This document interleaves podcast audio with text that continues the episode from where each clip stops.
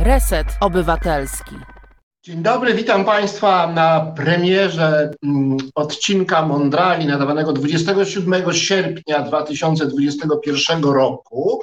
E, faktycznie jest trochę wcześniej, nagraliśmy mm, ten odcinek wcześniej z mojej niejako winy. Czasem się nam e, to zdarza, wiecie Państwo. E, więc faktycznie jest 11 e, dni wcześniej i mówię do Państwa z Warszawy, a po drugiej stronie tych wszystkich tajemniczych e, urządzeń jest pan profesor Krzysztof Guczalski, który pewnie jest, jak sądzę, w swoim domu w Krakowie. I on to jest bohaterem dzisiejszego odcinka naszej nieśpiesznej, intelektualnej, e, slow thinkowej, slow nie wiem jakiej jeszcze rozmowy, slow talkowej rozmowy, e, jaka co tydzień gości w Radiu Reset Obywatelski, co tydzień w piątki od 17 do 19. E, nasz dzisiejszy gość, nie ukrywam, e, jest mi nieźle znany, a właściwie można powiedzieć, jest moim osobistym przyjacielem, więc będzie mi e, w pewnym sensie łatwiej, a w pewnym sensie trudniej rozmawiać. E, bo e, znamy się bardzo dobrze i generalnie wiemy, co mamy sobie do powiedzenia, ale e, no, Państwo tego nie wiecie. Nie, nie do końca tak jest. No, przyjaciele nie mają zwyczaju dopytywać się zbyt głęboko o swoje filozoficzne poglądy, a tym razem właśnie tak, tak będzie, więc sam wcale nie wiem, co usłyszę od, od Krzysztofa. Krzysztof jest profesorem filozofii, nie pierwszy to filozof i nie ostatni, proszę Państwa, który wystąpi w tym e, intelektualnym programie. E, jest profesorem filozofii z Instytutu Filozofii Uniwersytetu Jagiellońskiego, e, z Zakładu Estetyki, to znaczy jest kimś, kto się zajmuje generalnie teorią no, wartości estetycznych, teorią e, piękna, czy też teorią sztuki, teorią twórczości artystycznej, w jego wypadku mm, oznacza to w dużej mierze, chociaż nie wyłącznie, zainteresowanie e, filozofią muzyki, więc e, będziemy sobie rozmawiać o, o muzyce na bardzo takim szczególnym, filozoficznym pułapie. On się na muzyce zna, ja nie, on skończył może nie skończył, ale w studiował przez kilka lat między innymi muzykologię w Stanach, również studiował poza filozofią, rzecz jasna, e, matematykę, więc zna się na różnych rzeczach, na których ja się w ogóle nie znam. E, ale powiedzmy sobie, sama filozofia muzyki jako taka nie jest mi całkiem obca, więc może będę umiał przynajmniej zadać pytania. E, ale poza tym zajmuję się też no, czymś, co można nazwać estetyką mm, w znaczeniu dosłownym tego słowa, bo aesthesis po grecku to jest ogląd zmysłowy e, i estetyka to w pierwszym rzędzie teoria widzenia, teoria spostrzegania zmysłowego. E, I taką estetyką obrazu e, również się Krzysztof zajmuje. Zajmuje się też, powiedzmy, aspektem semantycznym czy znaczenia w, w sztuce, e, a w ostatnich latach zajmuje się również e, jakąś tam filozofią polityki i o tym też będziemy mogli sobie porozmawiać. E, ja zacznę wobec tego od pytania, które jest dla mnie osobiście w sferze mm, teorii, filozofii, muzyki najważniejsze, bo niejako mnie osobiście dotyka, a mianowicie o kryteria wartościowania mm, w muzyce, o ewentualność uprawomacniania, uzasadniania sądów mm, prowadzących do pewnej hierarchizacji utworów muzycznych. Mówię, że mnie to osobiście dotyka, bo jak zdarza mi się czasem e, wypowiedzieć e, nazbyt afirmatywnie o muzyce, no powiedzmy sobie, symfonicznej, klasycznej, czy poważnej, czy jakkolwiek ją mm, zwać. A troszeczkę chociaż protekcjonalnie o muzyce, no powiedzmy sobie innej, to dostaje po głowie. No ale z drugiej strony nie możemy udawać, że nie rozumiemy, że jakaś hierarchia i oceny odnoszące się nie tylko do poszczególnych utworów i wykonań, ale odnoszące się do całych gatunków muzycznych, kultur muzycznych, tradycji muzycznych, może takie oceny są i jest w, w, w tych ocenach całkiem spora zgodność. Więc Krzysztofie, wyobraźmy sobie na początek, że o, pojawi się teraz, cześć, jest teraz jeszcze. Wyobraźmy sobie, Krzysztofie, że jest jakaś taka mm, no, wiejska dama, e, wymalowana, upudrowana, wypachniona, która z ogromnym rozrzewnieniem i wzruszeniem ogląda e, cygańskiego skrzypka, który wzrusza ją mm, długimi nutami, niekończącymi się dźwiękami, gwałtownymi przejściami dynamicznymi, E, e, szalonymi tempami, które przechodzą w wrzewne zawodzenia. E, I wszystko to jest utrzymane w jakiejś takiej bardzo czytelnej harmonii, pozwalającej antycypować dźwięk za dźwiękiem. No i tak tę damę to szczypie w duszę i wzbudza w niej rzewne uczucia, prawie takie same jak te dźwięki, jakby one były jej własnymi jękami duszy. No i ta dama jest wielką miłośniczką cygańskiej muzyki skrzypcowej, można powiedzieć. No i wyobraźmy sobie, że ta dama ma syna, który studiował w mieście y, i tam niejakiej kultury muzycznej nabrał i jest wielbicielem koncertów skrzypcowych, e, e, klasycznej muzyki od Mozarta do Czajkowskiego i chodzi na, na, na, na tego rodzaju koncerty.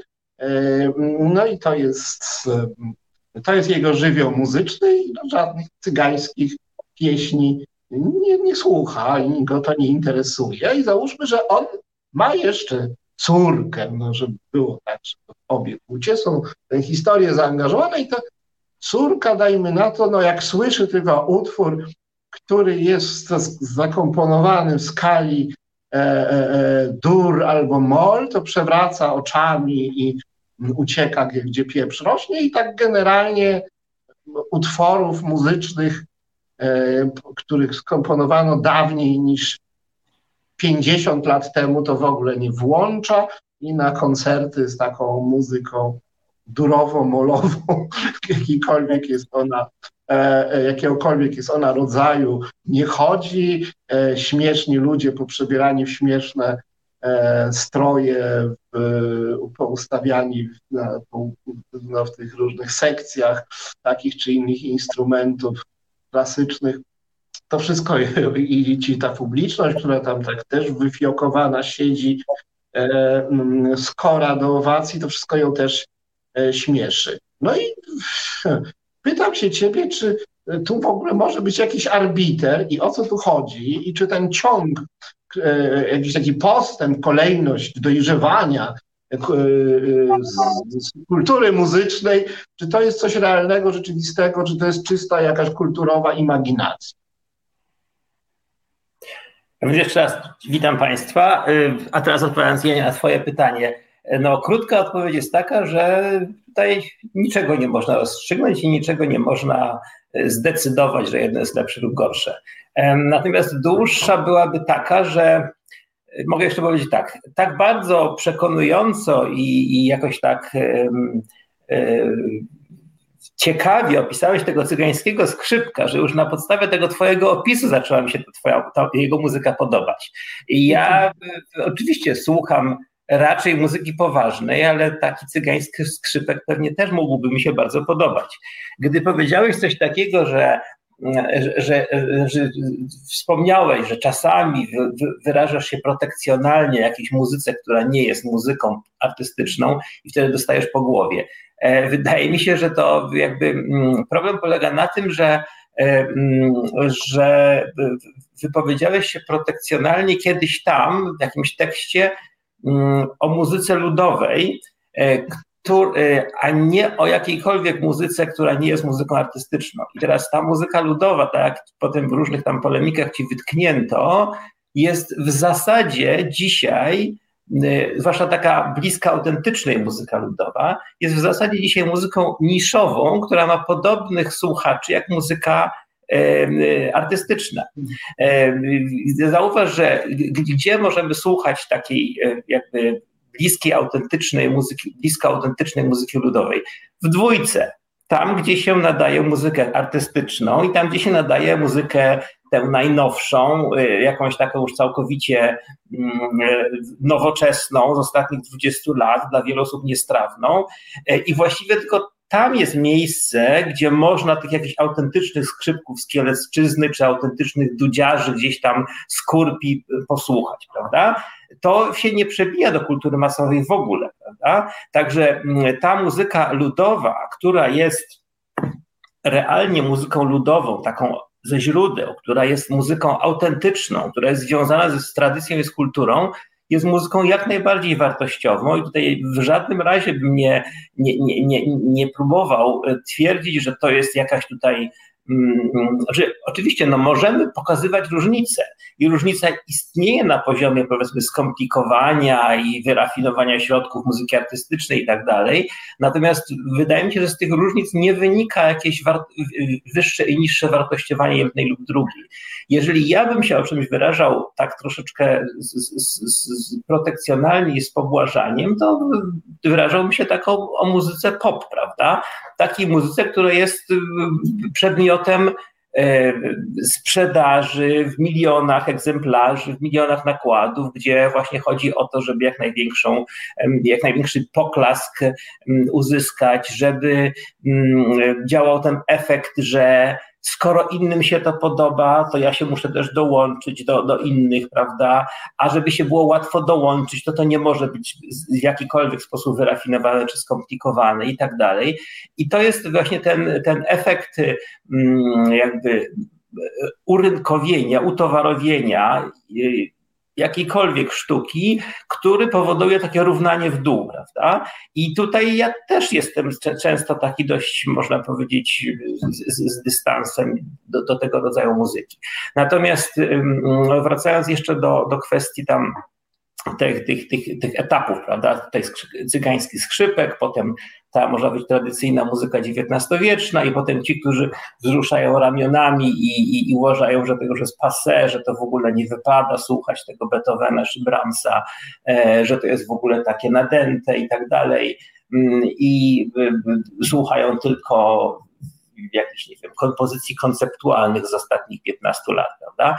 E, no, wydaje mi się, że e, tutaj na to, na to, można w dwojaki sposób spoglądać. Jeden sposób spojrzenia, taki, który mnie jest troszkę dalszy, ale wydaje mi się, że to jest sposób spojrzenia, który jest w miarę ciekawy, jest reprezentowany przez e, Krzysztofa Szwajgiera. To jest e, e,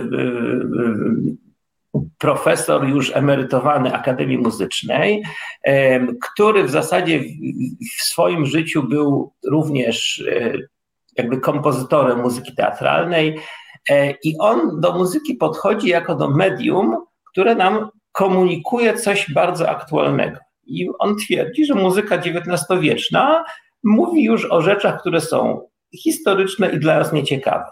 A dla nas ciekawe są te rzeczy, które nam komunikuje muzyka tworzona w ciągu ostatnich kilkunastu lat. E, gdy na przykład mowa o mm, tak zwanych e, mm, tak, tak zwanej tendencji do wykonań autentycznych, to wiadomo, od lat 50. jest ten trend, żeby muzykę wykonywać na autentycznych instrumentach z epoki, y, żeby wykonywać y, mm, zgodnie z praktyką wykonawstwa tego właśnie tam powiedzmy XVIII czy XVII wiecznego i tak dalej. No więc Krzysztof Szwagier mówi, nic takiego nie jest możliwe. Nawet jeżeli sobie odtworzymy te wszystkie instrumenty i powiedzmy, że jeszcze bardzo optymistycznie poczynimy takie założenie, że, że te instrumenty zostały właściwie odtworzone i następne bardzo optymistyczne założenie poczynimy, że w jakiś sposób udało nam się dotrzeć do sposobu wykonywania tej muzyki na podstawie, nie wiem, opisów, traktatów i tak dalej, to i tak to wszystko jeszcze nie wystarcza, bo przecież przychodząc na koncert mm, nie przyjechaliśmy karetą, sala nie jest oświetlona świecami, E, a muzycy nie są w Liberiach, prawda? I to wszystko jest i tak, można powiedzieć, załgane i zafałszowane i, i, i nieprawdziwe. To nie jest nic autentycznego, to jest, to jest muzeum, a e, muzeum muzyczne, prawda? I tyle. E, otóż taki sposób patrzenia na muzykę i na sztukę w ogólności wydaje mi się, że ma w sobie coś trafnego, ale całkowicie zapomina i całkowicie bierze w nawias to, co, co często uważamy za, mm, za wartościowe, a nawet być może najważniejsza, najważniejszą wartość, to ta, ta ponadczasowość, prawda? To, że, że uważamy, że istnieją pewne dzieła, które są arcydziełami, i dlatego są arcydziełami, bo są ponadczasowe, bo są, mają 2000 lat, a i tak mówią coś, co jest dla nas ogólnoludzko ważne, prawda? I wydaje mi się, że w muzyce też tak jest, że jest i ten aspekt taki, można powiedzieć, e, temporalny, zależny od, od y, klasy społecznej, która tej muzyki słuchała, która tę muzykę wykonywała. No często się na przykład mówi o, o tym jeziorze Łabędzim Czajkowskiego i mówi się, że tutaj właśnie te, te wszystkie baletnice to jest, to, to można powiedzieć, to jest odzwierciedlenie tej hierarchii społecznej, która wtedy panowała, y, mm, y, takiej bardzo sztywnej, bardziej, bardzo takiej pianowej. One, można powiedzieć, się tutaj jakby są takimi usłużnymi e, e, wykonawczyniami e, oczekiwań cara lub innych tam powiedzmy urzędników. Ale ten aspekt wydaje mi się, że jest tak, nawet jeżeli obecny, to w moim osobistym wartościowaniu nie jest najważniejszy. W moim osobistym wartościowaniu chyba jednak ważniejsze jest to, co udaje się jakby wydobyć i wysłuchać i, i wyczytać ponadczasowego w, w, muzyce. I w związku z tym Oczywiście, jeżeli ktoś na przykład słucha muzyki barokowej, a potem na przykład y, włączy sobie utwór Schoenberga, no to musi się jakby przestroić na chwilkę, prawda? Ale wydaje mi się, że po takim przestrojeniu się jest możliwe dotarcie do tej takiej, można powiedzieć, istotnej, głębokiej warstwy, y, która może być w różnych konwencjach przekazana. Oczywiście to przestrojenie się jest wtedy możliwe, że już wcześniej jakby wykonaliśmy tę, e, ten, ten wysiłek, żeby w ogóle do muzyki e, takiej czy innej, z takiego czy innego okresu dotrzeć. E, zresztą ten wysiłek jest potrzebny nie tylko wtedy, gdy konfrontujemy się z jakąś muzyką bardzo współczesną, która nam się wydaje kakofonią, która się, nam się wydaje w ogóle niestrawna, nieakceptowalna, ale ten wysiłek jest potrzebny również, gdy się kontaktujemy z muzyką bardzo dawną. Jeżeli słuchamy muzyki renesansowej, to początkowo właściwie słyszymy długą sekwencję bardzo powtarzalnych i niezróżnicowanych dźwięków i musimy uczynić pewien wysiłek wsłuchiwania się w to, abyśmy tę, tę, tę paletę różnorodności zaczęli dostrzegać i doceniać. Prawda? Stosunkowo łatwiej nam jest cofnąć się do późnego baroku, dlatego że w późnym baroku, późny barok to był ten moment, kiedy już system Durmol okrzepł. I mniej więcej, i ten system Durmol e, panował od późnego baroku przez cały, przez cały klasycyzm i romantyzm. Potem pod koniec XIX wieku zaczynał się już trochę rozpadać, ale w muzyce popularnej on nadal króluje. Prawda? W związku z tym system Durmol ciągle jest czymś takim no, naturalnym. I w związku z tym nie jest nam tak trudno się cofnąć do Bacha czy do Händla.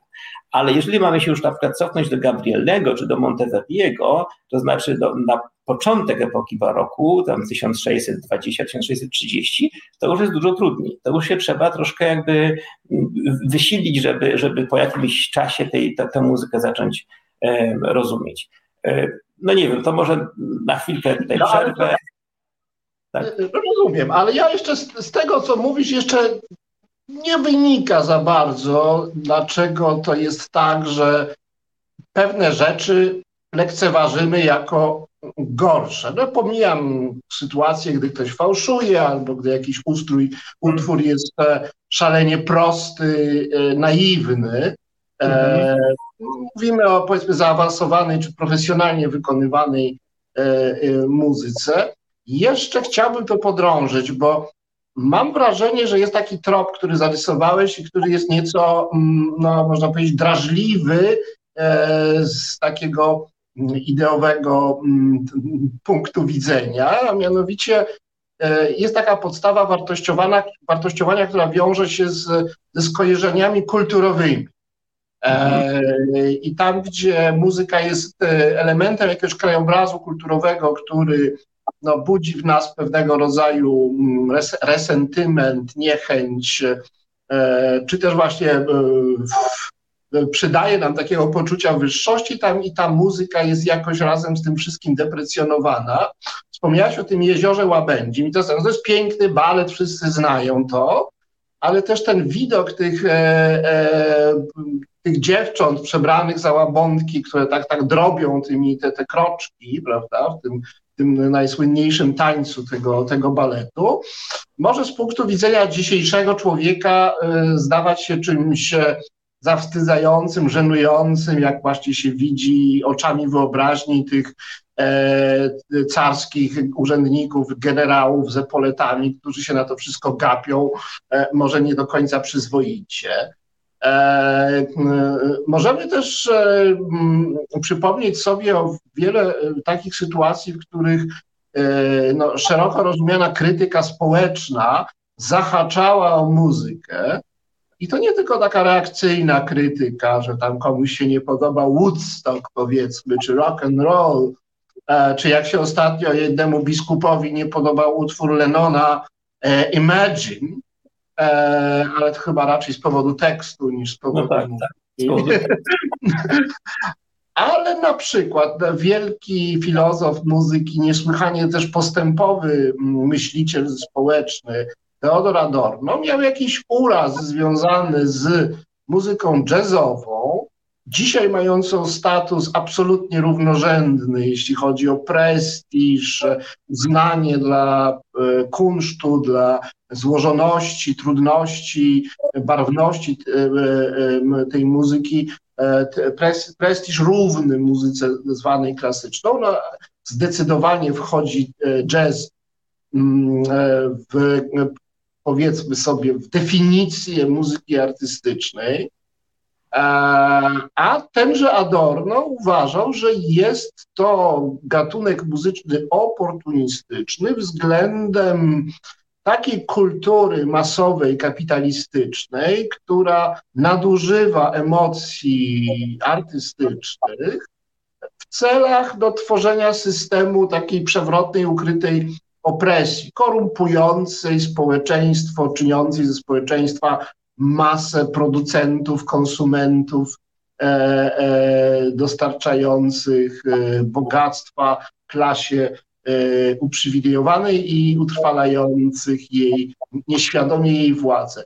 Jak sądzisz, czy można w ogóle mieszać muzykę w takie historie, w tego rodzaju konstrukcje emancypacyjne, w takie dyskursy w gruncie rzeczy polityczne, czy też to jest zupełnie jakiś absurd, że ten muzyk jazzowy w ogóle jest e, narzędziem jakiegoś bezwiednym, narzędziem jakiegoś systemu, a jego grane przez niego utwory e, pełnią jakąś funkcję społeczną ukrytą i przyjemność, czy też przeżycia artystyczne i estetyczne, jakie temu towarzyszą, są instrumentem jakiegoś, jakiejś społecznej e, e, represji? Czy też to ci się wydaje kompletnym absurdem?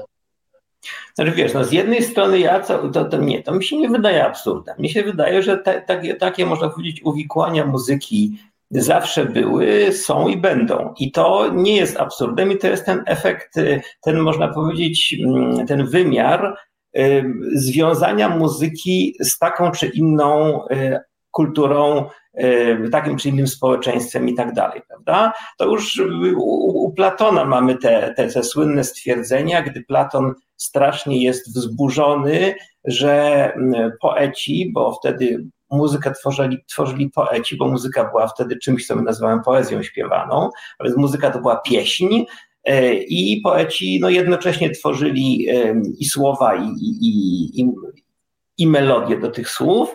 W każdym razie poeci byli przez, przez Platona znienawidzeni mm, nie dlatego, że byli złymi poetami, tylko dlatego, że nie szanowali wcześniejszych tradycji, wcześniejszych praw. Jak to gdzieś Platon mówił w którymś momencie, mieszali peany z, dyteram, z dyterambami i hymny z pieśniami żałosnymi i w ogóle w tym swoim szaleństwie, obłędzie nie wiedzieli, co się należy, a co, co się nie należy. Prawda? Nie dlatego, że byli pozbawieni talentu e, poetyckiego czy muzycznego, ale dlatego, że nie szanowali tych wcześniejszych praw.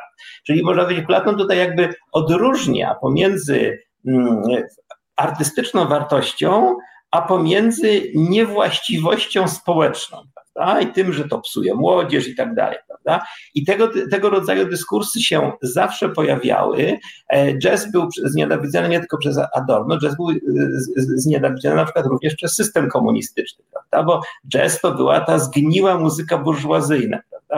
Mm, zresztą rock and roll to tutaj się też była zgniła muzyka burżuazyjna i jakieś tutaj były prowadzone zabiegi retoryczne, żeby to inaczej nazwać i chyba zdaje się słowo big beat ma tego rodzaju e, jakby etymologię, że właśnie to jest jakaś taka ukryta inna nazwa na rock and roll, bo rock and rolla nie wolno było śpiewać i, i słuchać, prawda? Także mi się wydaje, że to są te konteksty naturalne, e, natomiast to są takie, można powiedzieć, rozważania i konteksty, które no niekoniecznie muszą iść w parze z tą taką głębszą i, i, i chciałbym wierzyć ponadczasową treścią muzyki.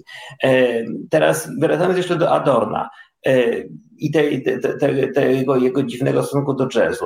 Wydaje mi się, że to jest tutaj kombinacja dwóch czy trzech czynników, że on tak mówił o tym jazzie i to się nam wydaje dziwne, bo tak jak powiedziałeś, jazz raczej teraz e, aspiruje do muzyki artystycznej, mm, a on ten jazz utożsamiał z, z, z jakimś takim właśnie czymś najbardziej oportunistycznym, niskim, e, byle jakim, marnym i tak dalej. Otóż jeden element to jest taki, że to był troszkę inny jazz niż ten, który dzisiaj znamy, prawda? To były, gdy on się po raz pierwszy wypowiadał o jazzie, to bodajże były lata 30.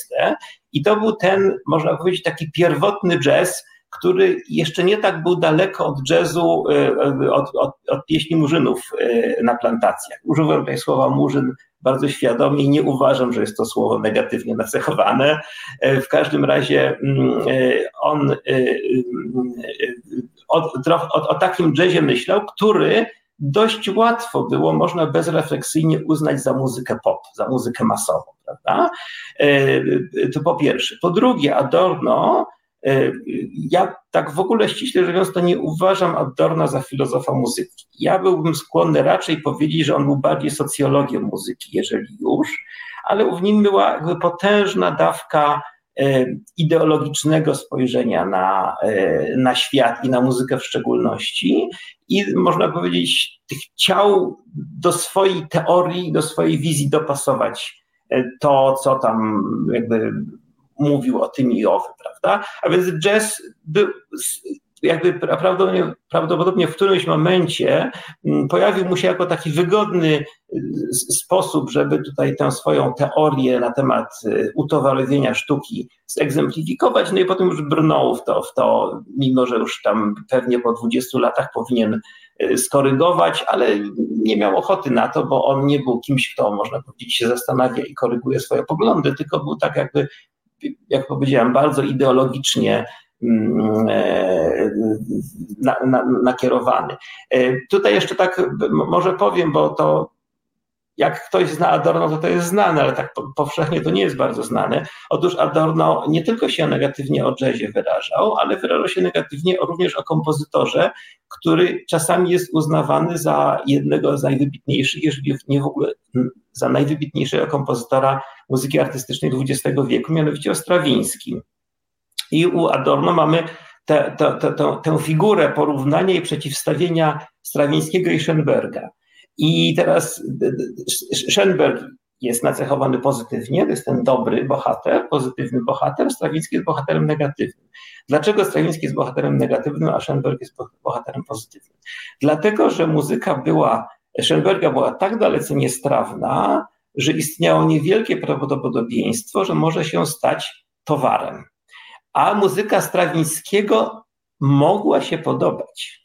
I w związku z tym, jako taka, która mogła się podobać, już była bardzo blisko tego, że mogła się stać towarem, czyli tym, co było anatemą dla, e, dla Adorno. Jakby towar to było coś, co właśnie całkowicie degraduje jakąkolwiek sztukę, prawda? Coś, co, co można powiedzieć, co jest wykonywane, jest słuchane, e, są sprzedawane płyty i tak dalej. I już tutaj według Adorna to już koniec z artystycznością. To już mamy tylko i wyłącznie degradację i degregolację.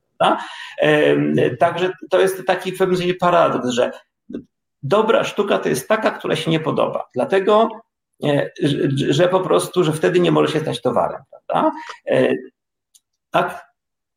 No, bardzo mnie to dziwi, że e, człowiek lewicy, którym był Adorno, był też takim elitarystą i kryteria popularności było dla niego kryterium negatywne w ocenie, w ocenie utworów, ale on chyba rozumiał wszelką masowość jako masowość fałszywą, bo manipulowaną.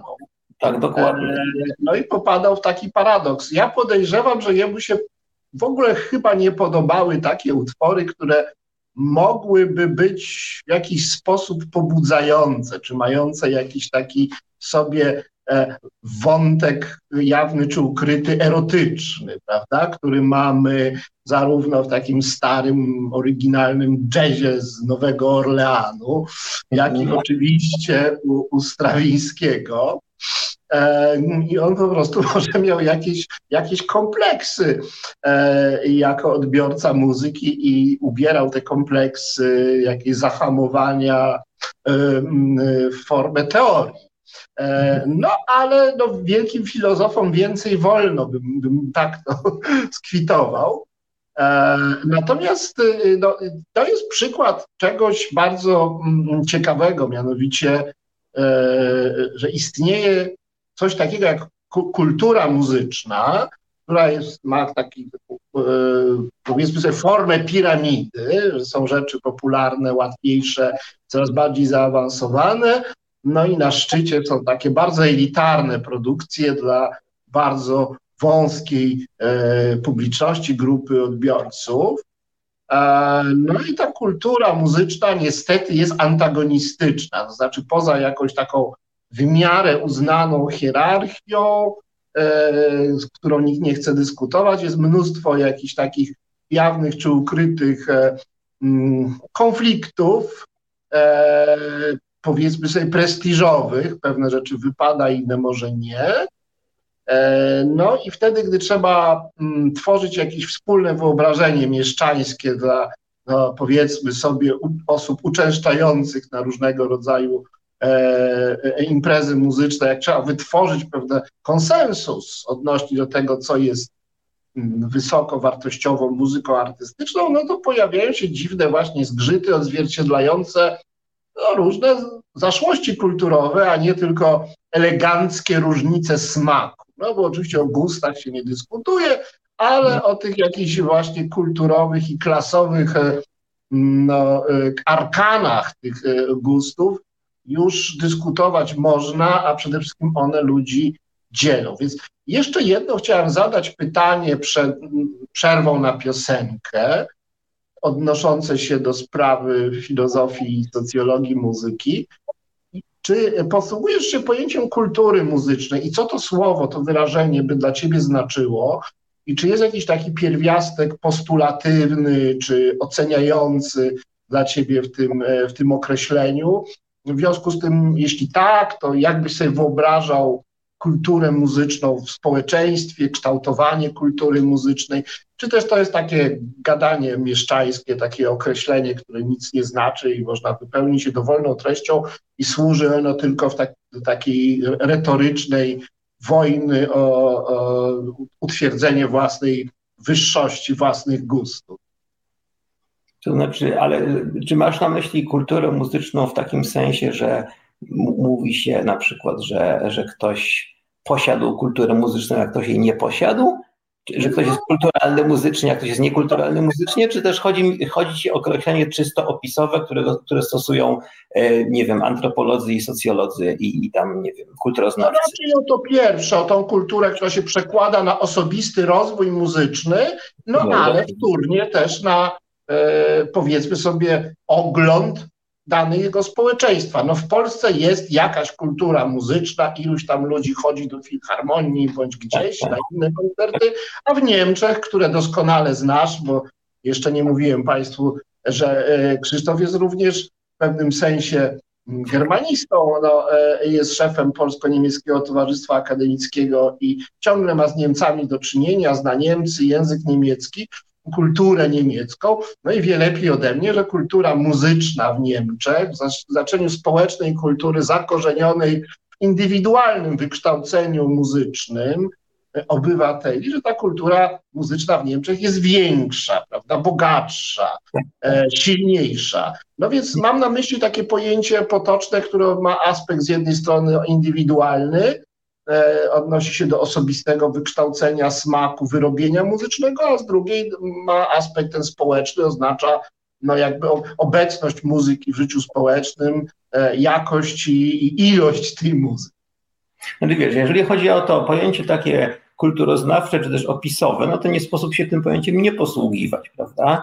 Natomiast jeżeli chodzi o to pojęcie, które wymieniłem jako pierwsze, takie odnoszące się do indywidualnego człowieka, kiedy chcielibyśmy powiedzieć, że ktoś posiadł y, głębszą albo wyższą, albo bardziej wyrafinowaną kulturę muzyczną, a ktoś mniej, no to tutaj mm, byłbym może troszkę ostrożniejszy. No, być może czasami tak jakby też w, w miarę nie bardzo wartościujące, tylko troszkę opisowo można by się takim pojęciem posłużyć. Ale mm, ja też opowiem o, o, o takim, mm, e, e, e, takim aspekcie, który czasami jest przywoływany, gdy się mówi o właśnie takich indywidualnych upodobaniach muzycznych, które możemy chcieć czasami przekładać na ocenę tego, czy ktoś jest y, y, osobą muzycznie kulturalną, czy też muzycznie niekulturalną. Prawda? Jeżeli, jeżeli ktoś nam powie, że właśnie y, słucha głównie muzyko, muzyki disco polo, no to będziemy pewnie skłonni myśleć, że on jest taki mało wyrafinowany muzycznie. Prawda? A jeżeli tutaj się dowiemy, że ktoś um, uważa Beethovena i, i Brahmsa za takich kompozytorów, którzy już są trochę passe i, i on teraz bardziej właśnie słucha, nie wiem, Jonathana Harveya albo, albo nie wiem, albo Steve'a Reicha, Steve Reich to już też powiedzieć 50 lat temu, e, no to uznamy, że, że, że, kto, że to jest ktoś, kto jest, można być osobą wyrafinowaną, która już można być przeszła te wszystkie stadia, prawdopodobnie Beethovenem się interesowała, gdy miała 16 lat, a, a potem Strawińskim się interesowała, jak miała 20, a teraz już jakby no, potrafi już docenić różne bardziej y, zaawansowane i elitarne i niszowe mm, trendy. Natomiast y, mm, to wszystko y, ma jeszcze jedną, jedno źródło i ja pamiętam, że to, to, tego się dowiedziałem od właściwie nawet jakiegoś nie, nie tyle muzykologa, tylko jak, chyba jakoś psychologa muzyki. I dosyć często widzę potwierdzenie tego, co on powiedział. Otóż powiedział, że gdy słuchamy muzyki, to wydzielają się tam pewne hormony szczęścia, które wydzielają się w największej ilości wtedy, kiedy jesteśmy między tam powiedzmy tam 14 a 20 rokiem życia. E, I, e, a potem już, tak powiem, ta produkcja tych hormonów jest trochę słabsza. E, w związku z tym muzyka, którą, którą najchętniej słuchaliśmy i najwięcej słuchaliśmy właśnie w tym przedziale, ja nie wiem, czy to jest między 14 a 20, czy między 16 a 18, ale jakoś dosyć na wczesnym etapie życia, a więc muzyk, muzyka, której wtedy słuchaliśmy, to zostaje naszą ulubioną muzyką na całe życie. To znaczy, oczywiście jesteśmy w stanie wyjść poza to, jesteśmy w stanie jakoś się jakby rozwinąć, wykształcić, ale zawsze będziemy do tego wracać do tego, co, co wtedy dla nas było naj, najbardziej drogie. Prawda?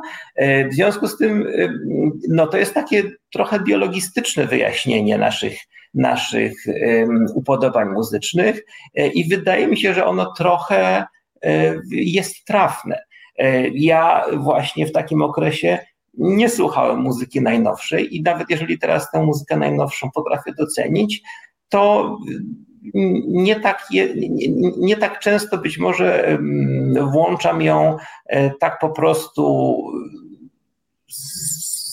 dla przyjemności i bezrefleksyjnie, prawda? Tak bezrefleksyjnie i dla przyjemności to jednak włączam muzykę do pierwszej połowy XX wieku i później to tak raczej, jeżeli słyszę, że jest jakieś nowe zjawisko i mnie zaciekawi i chciałbym się z tym zapoznać, no to wtedy oczywiście ta, takiej muzyki słucham i czasami różne rzeczy uznaję za ciekawe, interesujące, ale, mm, ale jakby nie rozwija się to w jakąś taką szeroką miłość, głębszą miłość. E, także tak jakby też troszeczkę podlegam temu, e, te, tej skłonności. Oczywiście są osoby, które bardziej wychodzą i są takie, które mniej wychodzą, które można powiedzieć nie mają żadnych e, zawodowych, powiedzmy, motywacji, żeby wychodzić poza to, co im się podobało, gdy mieli 18 lat i z pełnym usatysfakcjonowaniem pozostają na takim etapie mm, tej muzyki, która wtedy była dla nich najlepsza. Prawda? Stąd jest to pokolenie 60-letnich hipisów, prawda, którzy w 68 roku słuchali rock'n'rolla i jakby dalej są fanami tego rodzaju muzyki, prawda? I, i, i pewnej kultury, która jest, jest z tym związana. Mm, natomiast jeszcze, jeszcze taka też kwestia dotycząca tego, co tam wielokrotnie wspominałeś, że, że muzyka oprócz tego, że, że, że, może być oceniana tak jakoś w sposób nieuprzedzony, ze względu na swoją wartość artystyczną, to niesie różne konotacje, które prowadzą do, do jakichś mocnych jakichś napięć i dysonansów i, i animozji i tak dalej. Prawda?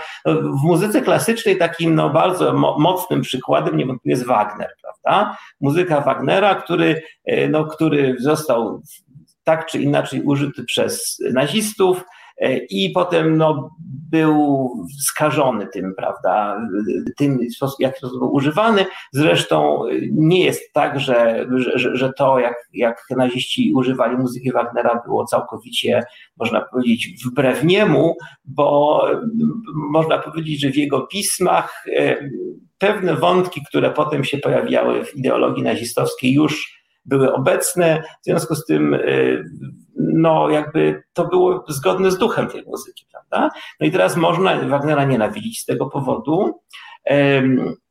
Można też, tak jak ja, który już urodziłem się tak długo po wojnie, że już jakby nie byłem tak bardzo dotknięty e, tym wspomnieniem tej muzyki Wagnera jako kojarzonej z, z nazizmem i jakby ten aspekt nie był dla mnie istotny. Natomiast muzyka Wagnera z innych powodów wydała mi się estetycznie, e, no nie chcę powiedzieć, że nie do zaakceptowania, ale taka jakby e, no nie w pełni zgodna z moimi e, estetycznymi dążnościami, upodobaniami, prawda? Mimo wszystko potrafię powiedzieć, że to jest świetna muzyka i tego absolutnie nie mogę Wagnerowi odmówić. Po prostu, gdy się tego słucha, to nie sposób nie docenić maestrii, prawda? A jednocześnie, jakby mogę powiedzieć, to nie jest moja muzyka. E, teraz e, to jest taka moja postawa, ale są osoby, które e, uważają, że to, że to jest jakiś taki zgniły kompromis i bardziej jednoznacznie mówią, to jest straszne, nienawidzę tego, prawda? I tyle, kropka. Już nie dają się w żadne tam rozdzielanie włosa na czworo prawda? docenianie, niedocenianie i tak dalej. Prawda? E, także no, to wydaje mi się, że jest wiele, wiele możliwości i wiele aspektów podejścia do i, i tego, jak to może oddziaływać, jak różne, różne osoby mogą z tym zrobić i tak dalej. No tak, wszyscy wiemy, że na festiwal w Bayreuth e, ściągają sami faszyści. E, Mam znajomego e, z Warszawy, który też ma jeszcze swojego znajomego i którzy są wielkimi fanami muzyki poważnej i w szczególności opery i w którymś momencie od niego coś takiego usłyszałem w tym roku po czterech latach oczekiwania jedziemy do Bayreuth. Dlatego, że w Bayreuth nie można tak po prostu sobie kupić biletu, mimo że te bilety są po jakieś, nie wiem, 200 czy 500 euro, ale nie są po 5 tysięcy euro, prawda? W związku z tym 200 czy 500 euro to jeszcze ciągle są kwoty, które nie są kwotami zaporowymi, w związku z tym trzeba czekać na swoją kolejkę. I bodajże jak jakiś tam komuś abonament wygaśnie, ktoś umrze z takim abonamentem, to wtedy zwalnia się miejsce i osoba kolejna z kolejki jest tam dopuszczana do tego, żeby łaskawie mogła pojechać do Bayreuth. Także y, ci moi dwaj znajomi nie, powiedział, że nie mają żadnych skłonności czy też sympatii faszystowskich, e, wręcz przeciwnie. Także tutaj widać, że to jakby czysta i taka, można powiedzieć, bezinteresowna miłość do opery. Tak? Są takie kolejki, których można nie dożyć, takie z, tak. z noworocznymi koncertami wiedeńskimi. Aha. A wśród wrogów Wagnera znajduje się bodajże jego osobisty prawnuk, który wszędzie Aha. Tak, tak, tak, tak. tak. E, słuchajcie Państwo drodzy, zagramy sobie teraz e, piosenkę mm, i po piosence przerzucimy się e, w inny obszar mm, sztuki, bo Krzysztof Buczarski zajmuje się także sztukami wizualnymi, a więc piosenka, po piosence ogólnie rozumiana sfera plastyki. Słuchasz Resetu Obywatelskiego. Reset Obywatelski działa dzięki Twojemu wsparciu. Znajdź nas na zrzutka.pl. Dzień dobry Państwu raz jeszcze. Witam w drugiej części programu e, Mondrale, nadawanego w Radiu Reset Obywatelski e, w każdy piątek e, od godziny 17 do 19. Chciałbym przypomnieć, że nasze radio jest radiem obywatelskim, Mm, poniekąd więc społecznym, poniekąd amatorskim, z pewnością niskokosztowym, co widać e, natychmiast, jak się nas włączy, chociaż e, wiem, że szykuje się profesjonalne studio, już się remontuje i e, przynajmniej niektóre programy będę realizował w profesjonalnym studiu i będą wyglądać lepiej, ale to wszystko jest możliwe właśnie dzięki temu, że Państwo nas wspierają. Nasza, nasze radio i wkrótce radio, telewizja się dzięki temu rozwija. Bardzo prosimy o nas pamiętać na zrzutce, na Patronite. E, gościem naszego dzisiejszego programu jest pan profesor Krzysztof Guczalski z Instytutu Filozofii Uniwersytetu Jagiellońskiego. E, estetyk, trochę ostatnio również e, no, teoretyk polityki, ale głównie jednak e, e, estetyk. E, rozmawiamy, rozmawiamy o sztuce, to jest rzecz naturalna z estetykiem. W pierwszej części mówiliśmy o muzyce, ale Krzysztof jest filozofem analitycznym, to tak się mówi o takim ogromnym obszarze filozofii, gdzie stosuje się logikę, gdzie mm, bardzo dużo jest odwołań do, e, do języka, w którym formułowane są e, możliwe i faktyczne argumenty filozoficzne, a więc jest taka filozofia skupiona na analizie językowej, na analizie logicznej dyskursu. E, jej ulubione tematy to teoria nauki, teoria umysłu, ale także teoria znaczenia. No bo jak język to i wyrażenia języka, słowa, nazwy, one mają znaczenie. Dlatego analityczna estetyka e, w dużej mierze odwołuje się do takiego zasobu pojęciowego, e, e, no powiedzmy sobie semantyki, teorii znaczenia, teorii komunikacji za pomocą artykułowanych mm, ciągów, znaków, no, z językiem na czele. Mówi się na przykład o języku muzyki. Taka jest ważna metafora w teorii muzyki, odwołująca się do takiej intuicji, że język, muzyka coś znaczy. Że na przykład dźwięki czy jakieś frazy muzyczne dają się przełożyć na, nie wiem, jakieś uczucia, dajmy na to. To jest jakiś komunikat, można się nauczyć dekodować, prawda? Pewne pewne zjawiska muzyczne, pewne dźwięki, połączenia dźwięków, że one tak sugerują coś tam. I to samo, z tym samym mamy do czynienia w sztukach plastycznych. No, wszyscy znamy jakieś takie ikonki, różne znaki drogowe, które od razu odczytujemy e, jako e, znaczące, mówią nam coś, przed czymś ostrzegają, nakazują, zakazują, informują o czymś, bez słów albo w połączeniu ze słowami. E, no i wychodząc od tego popularnego, potocznego zjawiska, można próbować interpretować bardziej złożone i, i takie zindywidualizowane wytwory plastyczne, łącznie z dziełami sztuki plastycznej, jako nośniki pewnych znaczeń, komunikatów, może nie takich precyzyjnych, że można je przełożyć na pewien ciąg wyrazów, ale jednak znaczeń. I ja chciałem właśnie o to zapytać, czy sztuka musi znaczyć, czy znaczenie sztuki wyraża się w tym, że ona coś dla nas znaczy i coś nam mówi, i czy wobec tego no, trzeba ją odczytywać, tak jak odczytujemy znaki, i czy wobec tego jest też prawdziwa bądź fałszywa, tak jak zdania. E, ile znaczy dla ciebie ten klucz do, do sztuki, zwłaszcza do sztuk plastycznych, m, którym jest semantyka? Znaczy tak, przede wszystkim y, powiedziałeś w którymś momencie o tej metaforze muzyki jako języka. To oczywiście jest dość rozpowszechnione, że tak się mówi i jeszcze się często mówi, że muzyka to język uczuć i tak dalej, ale też się mówi od razu, że wyraża to, co niewyrażalne i w ten sposób już się jakby troszkę zaprzecza temu, że to jest coś w rodzaju języka, prawda? W każdym razie mm, e, ta, ta dyskusja, czy muzyka jest językiem, albo czy jest dość podobna do języka, czy nie, to jest dosyć, dosyć taka rozbudowana dyskusja filozofii muzyki. Nawet ja tu jestem dość jednoznacznie po stronie tych, którzy twierdzą, że muzyka nie jest językiem. E, ale to nie oznacza, że nie ma znaczeń. E, to znaczy tylko tyle, że znaczenia mogą być różnego rodzaju i znaczenia językowe nie są jedynymi możliwymi znaczeniami, jakie w ogóle istnieją. Prawda? I inny rodzaj znaczeń jest obecny właśnie w sztuce.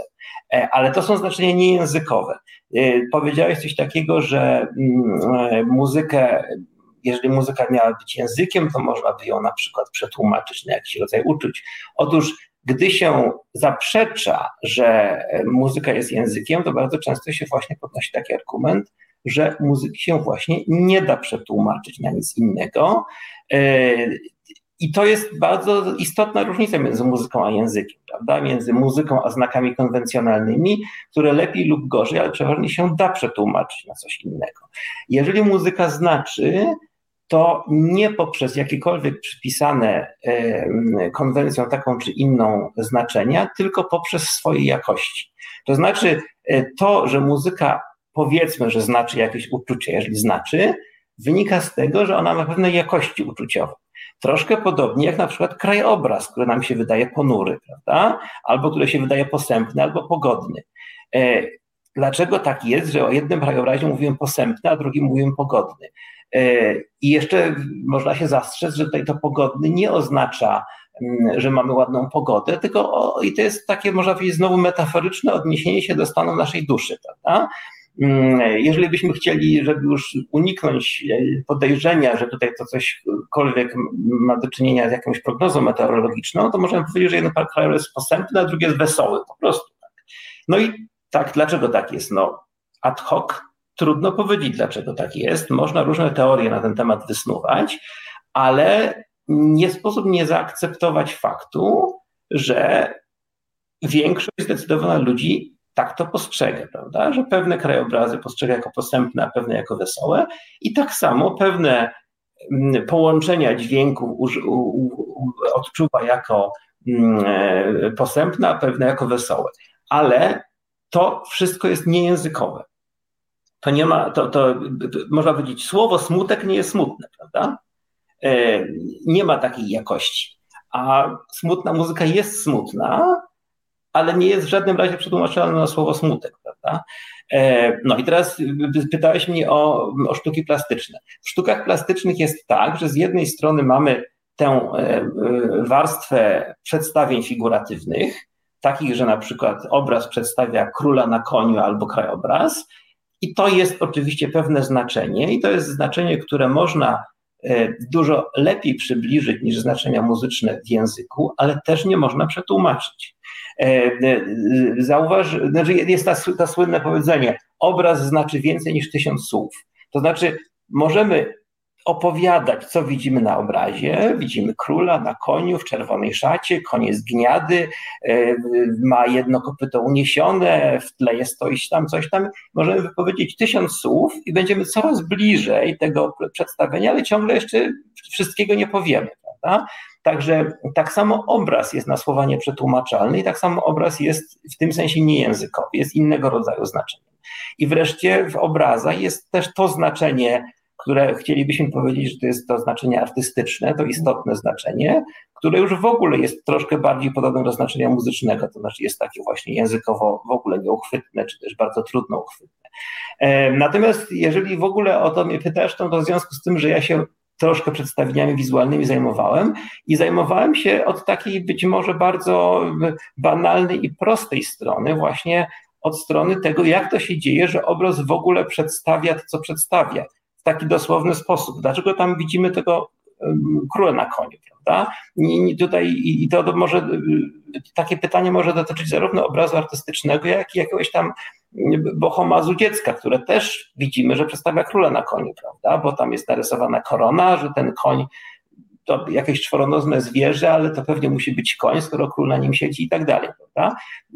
A więc to jest takie pytanie. Dlaczego w ogóle takie pytanie powstało? Wydawać by się mogło, że, no, że pytanie jest dość, yy, odpowiedź na to pytanie jest dość oczywista, no bo to tak wygląda jak król na koniu, prawda? Na pierwszy rzut oka widać, że to tak wygląda. Mniej lub bardziej, ale jeżeli mniej, no to się możemy domyślić z kontekstu, jeżeli bardziej, to się nawet nie musimy domyśleć. No otóż to dosyć takie oczywiste i naiwne y, y, y, mniemanie zostało spektakularnie w XX wieku zakwestionowane. I to, to, to zakwestionowanie przyszło z dwóch stron. Z jednej strony to było ze strony właśnie filozofii analitycznej w osobie Nelsona Goodmana, a z drugiej strony ze strony Umberto Eco, które niewątpliwie nie, nie przynależy do, e, do filozofii analitycznej. I wydaje mi się, że, że to, to, to kwestionowanie pojawiło się w książce Nieobecna kultura e, i, przepraszam, nieobecna struktura, nieobecna struktura, tak. I e, co ciekawe, obie te książki ukazały się w roku 68 tym bardzo brzemiennym roku również z innych powodów, prawda? A więc, no i teraz od tego momentu, jakby ci, którzy w ogóle myślą o przedstawieniu e, obrazowym, przedstawieniu figuratywnym, no stracili już niewinność i muszą się mierzyć z tym, z tym kwestionowaniem bardzo kategorycznym.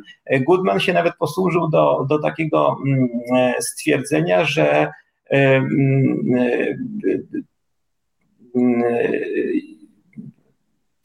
zaraz jak on to powiedział, coś o chyba o no w razie wiele jego, jego było takich stwierdzeń tego rodzaju, na przykład, że to, że malarstwo przedstawiające, czy też takie figuratywne przedstawia pewne rzeczy i że my to tak w sposób oczywisty odczytujemy, to wynika z tego, że jesteśmy kulturowo eksponowani na tego rodzaju malarstwie, żeśmy się już do tego przyzwyczaili i dlatego, że ponieważ wielokrotnie byliśmy bombardowani takimi obrazami, właśnie w kontekście stwierdzeń, że to przedstawia to lub tamto, to tak to odczytujemy, prawda? Mm, w którymś momencie powiedział, że jeżeli coś, jakieś przedstawienie czegoś tam nie wygląda jak coś innego, to on powiedział, no po jakimś czasie będzie wyglądać jak to coś innego, prawda? Gdy się odpowiednio kulturowo jakby to zakorzeni. Prawda? Teraz argumentów Umberto Eco już nie będę przedstawiał. W pewnym razie tak czy inaczej, te argumenty były takie dość rozbudowane i momentami nietrafne i sofistyczne. I ja się z tymi wszystkimi argumentami nie zgadzam. I uważam, że jak najbardziej możemy mówić, że na przykład argumenty Goodmana też były takie, że, że tutaj podobieństwo nie jest żadnym kryterium, bo przecież jeżeli obraz wygląda tak jak król na koniu, to również król na koniu tak wygląda tak jak obraz, a przecież król na koniu nie przedstawia obrazu i tak dalej, prawda, że relacja przedstawienia jest tylko w jednym kierunku, a ta, to, to, ta relacja wyglądania tak jak jest, dwóch, y, jest symetryczna, y, no i tam jeszcze wiele takich argumentów, już tutaj nie, wa, nie warto ich powtarzać. Y, no na pierwszy rzut oka wydaje się, że nie jest tak łatwo się zmierzyć z tymi argumentami. Rzeczywiście trzeba troszkę jakby pomysłowości wykazać, żeby te, te argumenty odeprzeć, ale wydaje mi się, że one wszystkie mogą być odparte. W każdym razie, gdy się tym trochę zajmowałem, to jeszcze też może taka uwaga do tego, co powiedziałeś, że jestem filozofem analitycznym. A więc Goodman jest jednym ze sztandarowych analitycznych estetyków. Otóż uważam, że Goodman w większości rzeczy się mylił. Nie wiem, czy to znaczy, że nie jestem filozofem analitycznym, ale w każdym razie no na pewno nie jestem tak bardzo analityczny jak Goodman i również nie używam narzędzi logiki do, do, do uprawiania estetyki. Nawet jeżeli ktoś pisze jakieś formułki w jakimś tekście estetycznym, to jestem trochę podejrzliwy, bo się spodziewam, że to można powiedzieć wszystko bez tych formułek logicznych i że tylko można powiedzieć, jest to takie mm, jakby taka zasłona dymna, żeby nie wyszło, że to, co chcemy powiedzieć, jest banalne, prawda? Albo wręcz, żeby nie wyszło, że się mylimy, prawda? Że ktoś, taki estetyk onieśmielony tymi formułkami logicznymi, bardzo tutaj ulegnie nam pod, pod, wpływem takiej retorycznej presji, tego mądrego dyskursu logicystycznego. No ale wracając do, tego kwestii, do tej kwestii przedstawienia. Otóż E, gdy się tak tym przedstawieniem zajmowałem, no to jednym z takich przedstawień bardzo takich klasycznych w historii, e, w historii kultury e, było, były przedstawienia w perspektywie. I chodzi o tę perspektywę klasyczną, która, o której się mówi, że została wynaleziona w renesansie przez Albertiego i Brunelleschiego. I ta perspektywa klasyczna do XIX wieku uchodziła za poprawny i zgodny z prawami widzenia sposób przedstawiania prawda? że to było coś takiego obiektywnego i że jedyne, co możemy czynić, to lepiej odkrywać jej prawa. Prawda? I teraz to przeświadczenie zostało bardzo spektakularnie i mocno zakwestionowane już nawet wcześniej niż Goodman i Eko kwestionowali jakiekolwiek podobieństwo. Mianowicie w 1927 roku ukazała się praca Erwina Panowskiego, to taki niemiecki teoretyk sztuki i, i, i, historyk sztuki e, pod tytułem e, Perspektywa jako forma symboliczna. I on tam twierdził, że perspektywa jest pewną formą symboliczną, która jest związana ze sposobem postrzegania świata i postrzegania przestrzeni. I w związku z tym jest kulturowo zależna i kulturowo zmienna. I że nie jest to nic obiektywnego. E, książka Panowskiego była bardzo wpływowa, bo Panowski był ogromnym erudytą e, i pisał z taką, można powiedzieć, retoryczną werwą. W związku z tym mm, wielu ludzi, to całkiem inny duch niż, niż Goodman, prawda? Żadnych formuł logicznych, wręcz przeciwnie, logiczny chaos, ale retoryczna, pełna e, mobilizacja i pełna jakaś taka siła. No i Panowski wiele osób przekonał i znowu mi się to też wydawało, wydawało podejrzane. No i właściwie tak się z tym zacząłem mierzyć, z, tą, z tym kwestionowaniem perspektywy, e, no bo przecież jest jasne, że wiele było kultur e, i w naszej cywilizacji tutaj zachodniej i w różnych innych, gdzie perspektywa nie była używana. Prawda? Także trudno zaprzeczyć, że perspektywa no jest jakoś kulturowo zależna, prawda? Skoro była używana tutaj od XV do XIX wieku, a potem została spektakularnie porzucona, prawda? Kubiści porzucili perspektywę, no i już potem właściwie no, większość artystów y, nie potrzebowała perspektywy. W związku z tym jakoś należało to też wyjaśnić, co, co to znaczy ta kulturowa zależność perspektywy, a jednocześnie czy faktycznie to ugruntowanie perspektywy w prawach naszego widzenia jest jakkolwiek trafne, czy też to była jakaś iluzja, której ulegli renesansowi twórcy perspektywy i późniejsi. I teraz tutaj muszę powiedzieć, że troszeczkę doszedł do głosu mój temperament matematyka, dlatego że e, gdy się rozważa perspektywę, to nagle się okazuje, że tam bardzo dużo rozważań geometrycznych, takich dość technicznych trzeba przeprowadzić, żeby różne paradoksy perspektywy rozszyfrować, żeby dojść do tego, że, że te paradoksy są pozorne i że można je jakoś unieszkodliwić i tak dalej. E, no, także ogólna konkluzja jest taka. E, to, czy w ogóle chcemy przedstawiać tak, jak widzimy, to jest konwencja. I bardzo często malarstwo nie miało takiego celu, żeby przedstawiać to, jak empirycznie i zmysłowo widzimy. W średniowieczu malarstwo aspirowało do tego, żeby przedstawiać niewidzialny świat boski za pomocą jakichś, można powiedzieć, metafor, prawda? I w związku z tym przedstawianie tego, jak naprawdę widzimy, było jakby nieinteresujące. W związku z tym perspektywa była niepotrzebna. Dopiero wtedy, gdy ten świat ludzki był dowartościowany w renesansie, to dopiero wtedy perspektywa okazała się potrzebna. Swoją drogą perspektywa tak też informacyjnie była już znana w pierwszym, drugim roku, wieku naszej ery w malarstwie pompejańskim na przykład.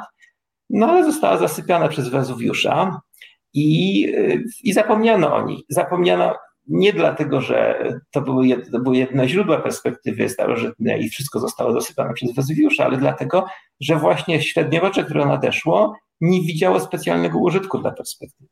Także wniosek jest taki: perspektywa, jeżeli jest rozumiana jako przedstawienie zgodnie z tym, jak widzimy, jest czymś jak najbardziej obiektywnym i nie jest kulturowo zależnym w ogóle. Natomiast kulturowo zależne jest to, czy uznajemy perspektywę za potrzebną i czy w ogóle chcemy przedstawiać tak, jak widzimy. Prawda? Bo możemy mieć całkowicie inne cele w, w, w, w stwarzaniu obrazów. Prawda? Możemy chcieć przedstawiać inne rzeczywistości, a nie tę rzeczywistość, którą za pomocą oczu postrzegamy.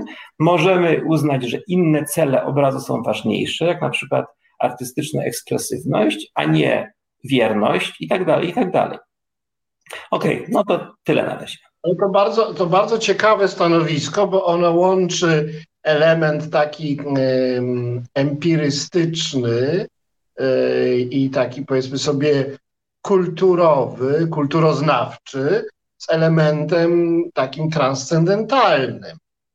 E, to jest rzadkość, wydaje mi się, z filozoficznego punktu widzenia patrząc. Czy zgodzisz się w takim razie z takim twierdzeniem, że e, w skalach muzycznych i harmonii muzycznej jest coś więcej niż konwencja, niż pewne kulturowo ukształtowane E, formy e, i że skoro te e, formy muzyczne są opisywalne matematycznie, to jednak tym samym są niedowolne,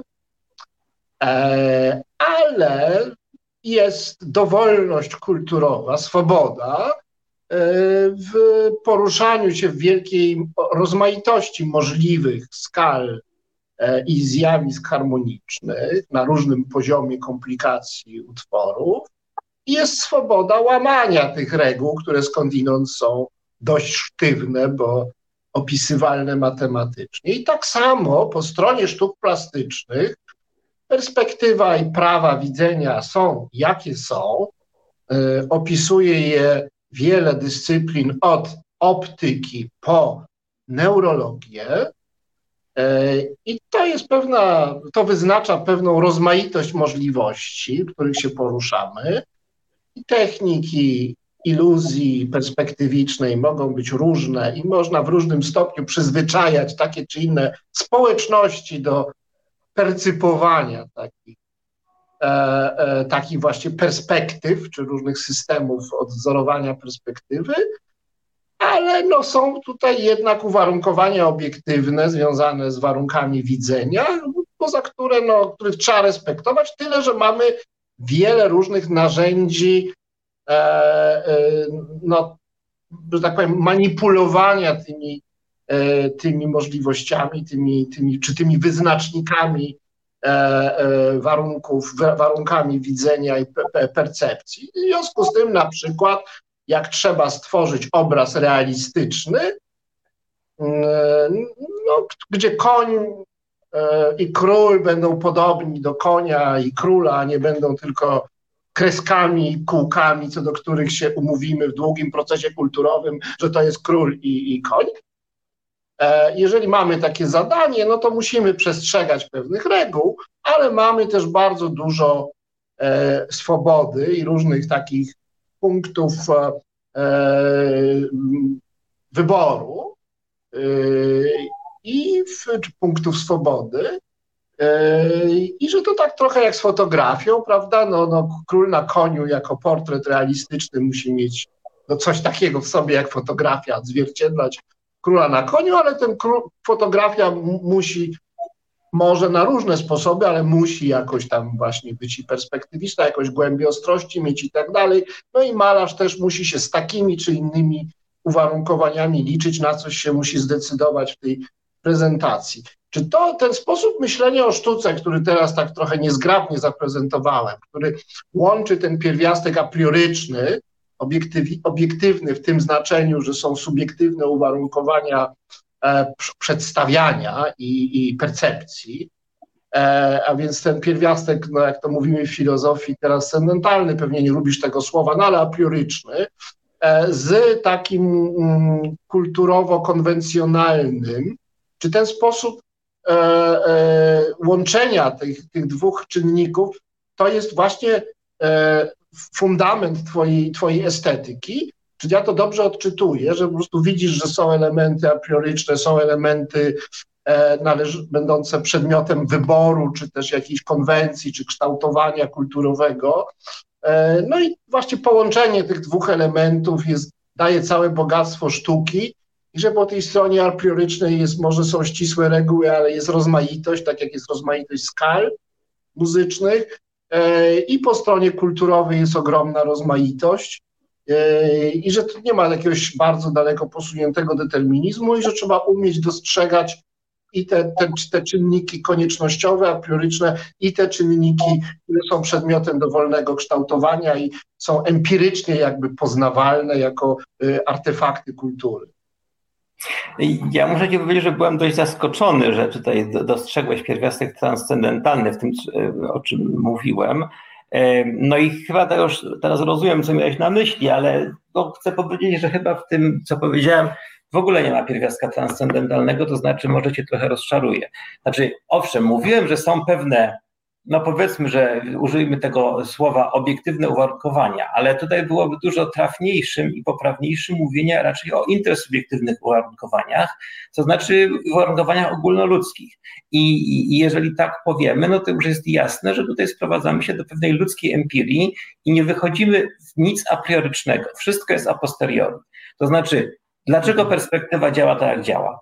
Bo nasze oko działa w pewien sposób, prawda? Nasze oko działa w taki sposób, że można y, z, pew z pewnym bardzo dobrym uproszczeniu powiedzieć, że jest to punkt, do którego schodzą się promienie y, ze wszystkich stron, prawda? Promienie światła. Prawda? I teraz y, tutaj w tym wypadku dzielimy nasz sposób widzenia świata z bardzo dużą ilością zwierząt. E, wystarczy, że jakieś inne zwierzę ma również oko, które jest pojedynczą soczewką. I takie oko mają chyba wszystkie ssaki. Wydaje mi się, że chyba w ogóle wszystkie kręgowce. E, I w związku z tym dla nich perspektywa też obowiązuje. Prawda?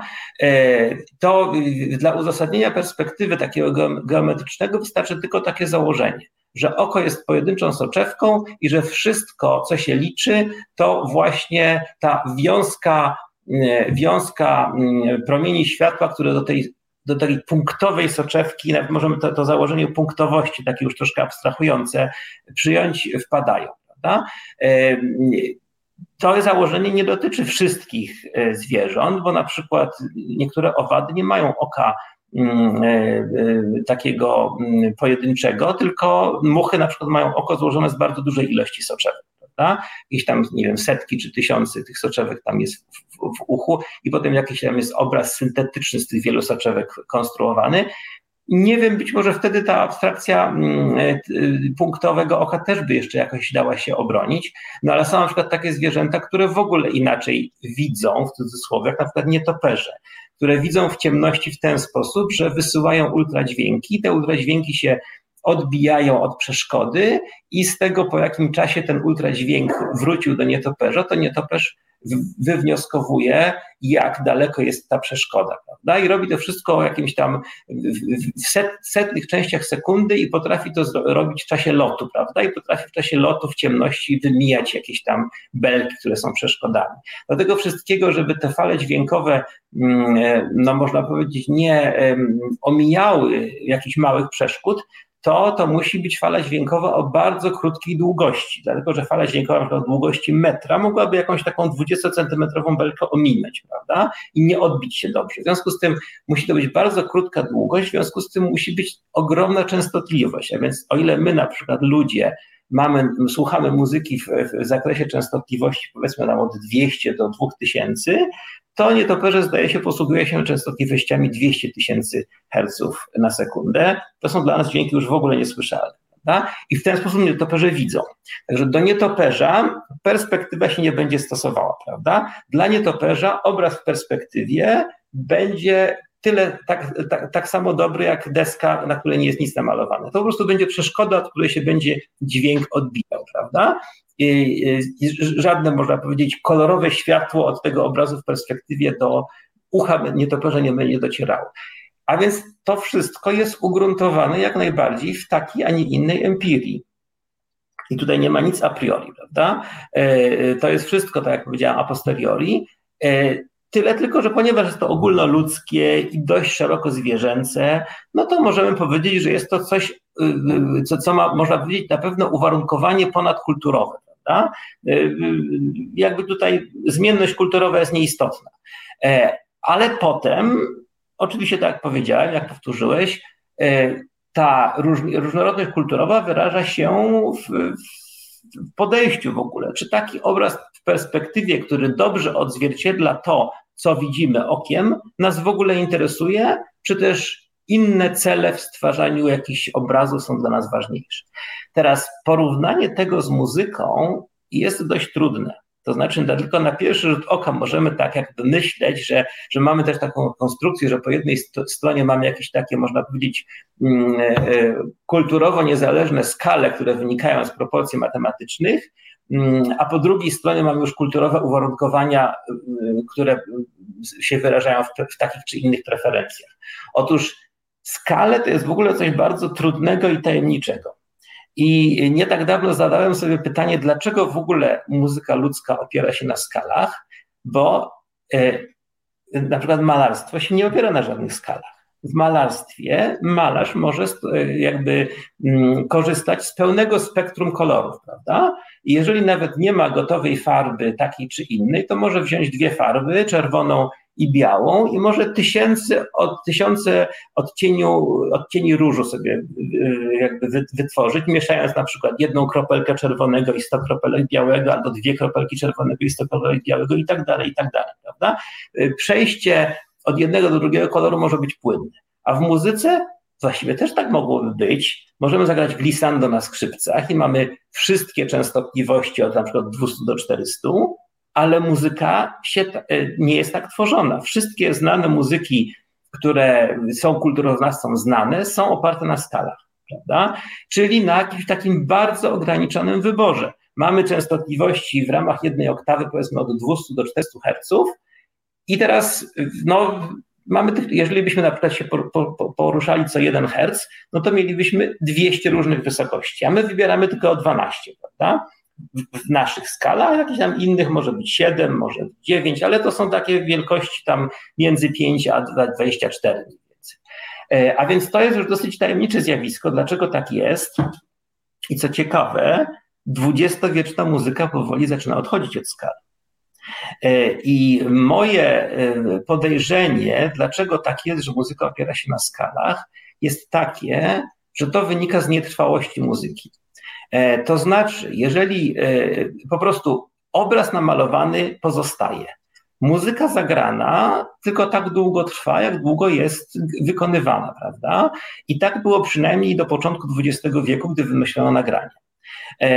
E, w związku z tym, mm, jeżeli w ogóle miała się rozwijać jakaś kultura i jeżeli w tej pierwotnej muzyce melodie miały być powtarzane jako te same, jako można powiedzieć, nasza pieśń naszej wioski, prawda? Nasza pieśń naszego plemienia, prawda? To, żeby to powtórzenie było w ogóle możliwe, to y, y, muzyka była skonfrontowana z ograniczeniami, ograniczeniami ludzkiej pamięci. Prawda? I teraz, jeżeli ktoś, jakiś tam artysta sprzed pięciu tysięcy lat próbował wymyślić e, melodię, która używałaby 20 albo 50 wysokości w ramach oktawy, to możliwość powtórzenia i identyfikacji, że to zostało właściwie powtórzone, byłaby prawie że zerowa. Prawda? E, I teraz, jakby kiedy dopiero istnieje możliwość, żeby to ominąć i zakwestionować i spod tego przymusu e, stosowania skali się wydostać. W tym momencie, kiedy kompozytor, komponując swój utwór, może ten utwór jednocześnie od razu nagrać prawda? Może mamy takie wyobrażenie, że siada przy stole mikserskim i z jakichś tam sampli i za pomocą odpowiednich, odpowiedniego sprzętu elektroakustycznego jeszcze tam przekształca te, te próbki muzyczne, odpowiednio je miksuje, od razu to nagrywa na jakiś nośnik i to nagrane to jest utwór, prawda? I okazuje się, że właśnie tego rodzaju muzyka odchodzi od skali i zaczyna się posługiwać jakby ciągłym spektrum. E, także to y, okazuje się, że, że znowu, że skale są czymś dużo mniej obiektywnym, niż, dużo mniej y, obiektywnym niż perspektywa. To znaczy, można powiedzieć, są też jakby zależne od pewnego pewnych jakichś ludzkich możliwości, ale na przykład tutaj stosowania skal nie dzielimy z żadnymi zwierzętami, prawda? E, gdy kos śpiewa swoją piosenkę, to nie stosuje żadnych skal, prawda? E, tylko śpiewa swoją piosenkę. Mm, czasami można powiedzieć, robiąc glissando z jednej wysokości do innej. Prawda? I dlaczego tak jest w wypadku kosa? Dlaczego kosy są, można powiedzieć, mniej ograniczone? Dlaczego nie muszą stosować skal? Dlatego, że kosy nie tworzą żadnej kultury. Żaden kos nie próbuje powtórzyć piosenki swojego kolegi. Prawda? Strasznie mi się ten przykład podoba, muszę powiedzieć. To znaczy, jakbyśmy wtłoczyli jakiegoś kosa w skalę durową czy molową, to dokonalibyśmy gwałtu na kosiej prekulturze, tak? na tożsamości gatunkowej tak. rodu kosiego, prawda? I tak. nie wolno tego czynić. Tak, ale no, ja wiem, że to jest prekultura, no może to jest prekultura, w każdym razie wiesz, mnie się wydaje, że to jak kos śpiewa swoją piosenkę jest genetycznie uwarunkowane, prawda? I on po prostu ją śpiewa, bo taki się urodził. A inny, tak samo jak ten inny ma minimalnie inne piórka, to ma minimalnie inną piosenkę. Hmm. A panu Kilarowi wolno wtłaczać w jakieś swoje inteligenckie skale góralską muzykę? No, góralska muzyka to jest muzyka, która też jest w skalach. Być może troszkę innych, prawda? Typowo się mówi, że skala góralska to jest coś, co jest podobnego do tak zwanej skali lidyjskiej z kwartą zwiększoną. No więc kwartę zwiększoną, kwartę zwiększoną bardzo łatwo sobie tutaj na e, inteligenckich instrumentach odwzorować. To nie jest żaden gwałt taki znowu wielki, prawda? Większy... Przepraszam pana Kilara, bo mi się skojarzyło z harnasiami i takimi, ale to szalenie interesujące, co mi się też zawsze wydawało prostemu człowiekowi, że z tymi skalami to jest tak jak z literami. No, jak musimy zapisywać słowa, każdy mówi trochę inaczej, a w zasadzie to mówimy płynnie, no ale e, e, możemy zapamiętać tylko ileś tam znaków i mieć alfabet skończony. Nawet Chińczycy mają skończony alfabet. Tak. Jakby jakiś Egipcjanin chciał, który wymyśla hieroglify, chciał opowiedzieć o koronacji faraona za pomocą jednego hieroglifu, to ostatecznie narysowałby obrazek, który przedstawia faraona na tronie i nie byłby to żaden opis. I musi, chcąc, nie chcąc, choćby nie wiem ile potrzebował e, takich e, mm, e, e, ikonicznych e, e, znaków, hieroglifów, w swoim repertuarze, no to kiedyś musi skończyć kolekcjonowanie hieroglifów i tak samo ze skalami, no ileś musi być tych, tych, tych, tych dźwięków. E, nie może być ich 150, bo nikt tego nie spamięta, ani tysiąc. Może jacyś geniusze e, postludzcy będą mieli większe skale i większe możliwości, ale to, żeby ta granulacja, ta taka, e, e, można powiedzieć, kwantyfikacja i jest niezbędna właśnie, żeby sobie w tym jakiś porządek zaprowadzić. Ja też, ja też tak mi się tak wydaje spontanicznie. I to nie jest, to jest do, dopiero do opracowania, ta teoria, jakby to cały czas jeszcze jest przed nami. To znaczy, wiesz co, no, to dlaczego ludzie używają skal, to yy, ja, mnie to kiedyś tak zaciekawiło, no i tak sobie pomyślałem, no pewnie jak wezmę jakieś tam mądre książki kultur, e, tych kulturoznawców czy antropologów kulturowych, to tam zaraz to wyczytam. E, no i wziąłem jedną, drugą, trzecią i nigdzie tej odpowiedzi nie znajdowałem. E, w zasadzie bardzo szybko oni się najczęściej prześlizgują przez stwierdzenie, że skale są czymś powszechnym i we wszystkich kulturach muzycznych, jakie są odkryte i znane, występują.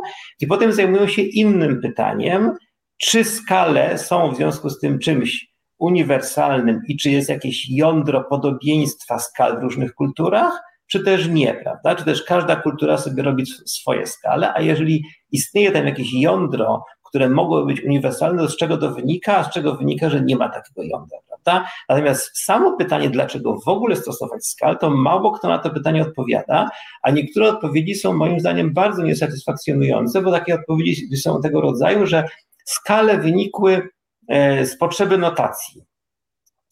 Natomiast ja uważam, znaczy nie, nie uważam, to nie jest w ogóle nie jest żaden mój pogląd, to jest fakt obiektywny. We wszystkich kulturach pierwotnych, które są oralne i nie posługują się notacją, też występują skale. I, I, można powiedzieć, że nawet wtedy są jeszcze bardziej potrzebne, dlatego że wtedy się tylko na pamięci e, opieramy i w związku z tym tym bardziej jeszcze ta pamięć jest, będąc ograniczoną, musi się do skal odwoływać. Także te odpowiedzi, które tam znajdowałem w literaturze, były ogólnie dość niesatysfakcjonujące. To moje mniemanie też nie jest jakimś dowodem. No to jest powiedzmy pogląd filozofa na podstawie różnych rozważania różnych możliwości i wykluczania pewnych jako niewiarygodne z powodu takich czy innych kontrargumentów, prawda? A, takie szybkie pytanie mam, bo jeszcze chciałem e, przejść do innego tematu, ale tak na szybko. E, e, czy nie można tych wszystkich teorii jakoś ze sobą pogodzić? I notacja sprzyja skalom, i na przykład y, budowa instrumentów, no bo jest fujarka, musi mieć no ilość tak. tych oporów, ilość strun też musi być ograniczona, no aż się prosi, żeby to nastroić tak, żeby jakaś skala była podstawowa na tym instrumencie, odzorowana. E, czy to nie jest tak, że po prostu są różne powody, dla, dla których muzyka przyjmuje taki uporządkowany kształt? Wiesz, no, jeżeli chodzi o to, że notacja sprzyja skalom, to zauważ, że jeżeli wyszliśmy od takiego argumentu, że skale są potrzebne dlatego, że pamięć ludzka jest ograniczona, no to można powiedzieć, że jeżeli już w którymś momencie pojawiła się notacja muzyczna, no to notacja muzyczna nas szczęśliwie E, wyswobadza z ograniczeń ludzkiej pamięci i ktoś mógłby sobie powiedzieć, no jak już mamy notację, to możemy zanotować dźwięk dowolnej wysokości. Możemy sobie po prostu pisać 422,3 Hz, prawda? Albo 538,8 Hz, prawda? No i teraz to ktoś mógł powiedzieć, no w takim razie, jeżeli to z powodu ograniczeń ludzkiej pamięci istniały skale, to w momencie, gdy została wprowadzona notacja, to powinny zniknąć, prawda? E, a w związku z tym odpowiedź, że to z powodu notacji są skale, jest całkowicie sprzeczna z tym, co teraz powiedziałem. A również stwierdzenie, że z powodu notacji powinny skale zniknąć, też jest niezgodne z prawdą historyczną. Notacja została powoli w naszej zachodniej muzyce wprowadzona tam, wprowadzona stopniowo od tam XI wieku i coraz bardziej była precyzyjna już tam około XV wieku, była już całkiem taka dokładna w miarę jak, jak dzisiaj. E, no i skale nie zniknęły w żadnym razie, prawda? Także widać, że, że, że, że sprawa jest troszkę bardziej skomplikowana ni, niż to. E, e, no ale teraz wiesz sobie jeszcze jednej rzeczy chciałem powiedzieć. Ogólnie rzecz biorąc, ponieważ to, czy skale są w ogóle potrzebne i konieczne, nie jest tak oczywiste, to oznacza, że skale, tak jak powiedziałem, nie są czymś tak dobrze empirycznie i fizykalistycznie ugruntowane jak perspektywa. Perspektywa jest, a skale nie. I teraz następne pytanie. Czy takie, a nie inne skale wynikają z pewnych matematycznych e, uwarunkowań? No, w pewnym sensie wynikają, ale one również wynikają z pewnych uwarunkowań naszego ucha. Bo to Pitagorejczycy tak sobie wymyślili, a że nie wymyślili, odkryli, że jak mamy proporcje pomiędzy częstotliwościami, oni nie mówili o częstotliwościach, tylko mówili o długości struny 2 do 1, to mamy zgodne współbrzmienie, które nazywamy oktawą. A jak mamy proporcje pomiędzy długościami strony 3 do 2, to mamy zgodne współbrzmienie, które nazywamy kwintą. I to zwykle, to odkrycie jest przypisywane Pitagorejczykom. No i z tego się wzięło takie przeświadczenie, że można matematycznie w pełni muzykę wyjaśnić. Tyle tylko, że to jest znowu bardzo uzależnione od pewnej specyfiki naszego ucha. I w ostateczności się okazało, że, że to stwierdzenie, że konsonans równa się prosta proporcja, jest nietrafne. Dlatego, że jeżeli konsonans minimalnie rozstroimy i proporcję na przykład 2 do 1, którą można również wyrazić jako 2000 do 1000, zmienimy na 2001 do 1000, to ta proporcja będzie już bardzo krzywa i niedobra dla Pitagorejczyków, a my będziemy to dalej słyszeć jako konsonans, bo po prostu tej małej różnicy nasze ucho nie wychwyci. I to, dlaczego w ogóle postrzegamy pewne współbrzmienia jako dysonanse, a pewne jako konsonanse, to wyjaśnił dopiero Helmholtz w XIX wieku i to się odwołuje do zjawiska dudnień. A to zjawisko dudnień jest możliwe tylko wtedy, jeżeli wykraczamy poza jedną oktawę i jeżeli jeszcze musimy do tego dodać to, że wszystkie dźwięki, które są produkowane przez empirycznie dostępne instrumenty, nie są dźwiękami o pojedynczej częstotliwości, tylko są złożone z dźwięku podstawowego i składowych harmonicznych. A, a, dźwięki o pojedynczej częstotliwości inaczej się zachowują, jeśli chodzi o kwestię dysonansów i konsonansów, ale z kolei takie dźwięki przede wszystkim możemy wytworzyć za pomocą elektronicznych obwodów drgających.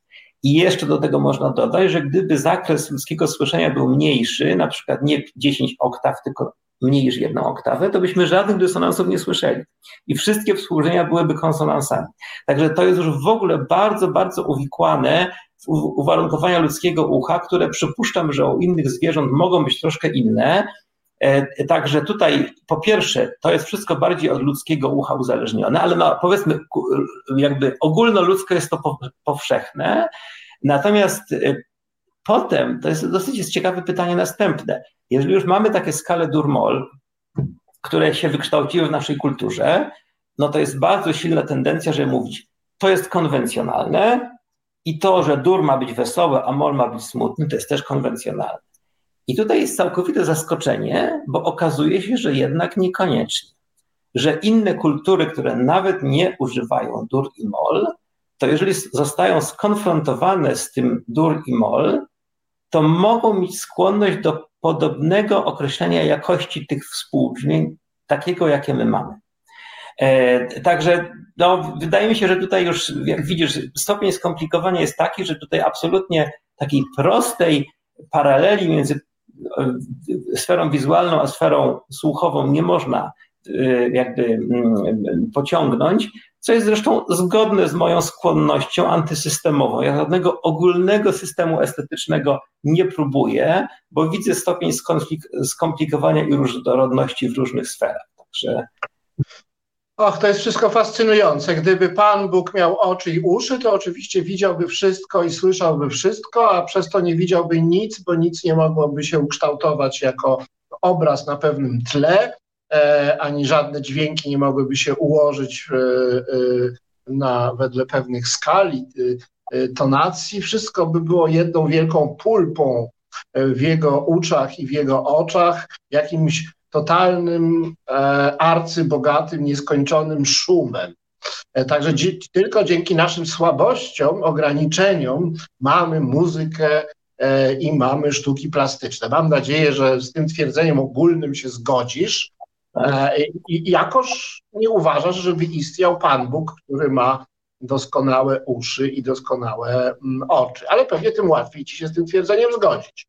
E, e, jeśli więc się zgadzasz z tym twierdzeniem, a zakładam, że tak, mm jest to metafizyczne, więc czemu nie? E, prawdopodobnie jesteś obojętny na twierdzenia metafizyczne jako pozbawione głębszego sensu, w przeciwieństwie do mnie, który jestem bardzo wielkim ich admiratorem.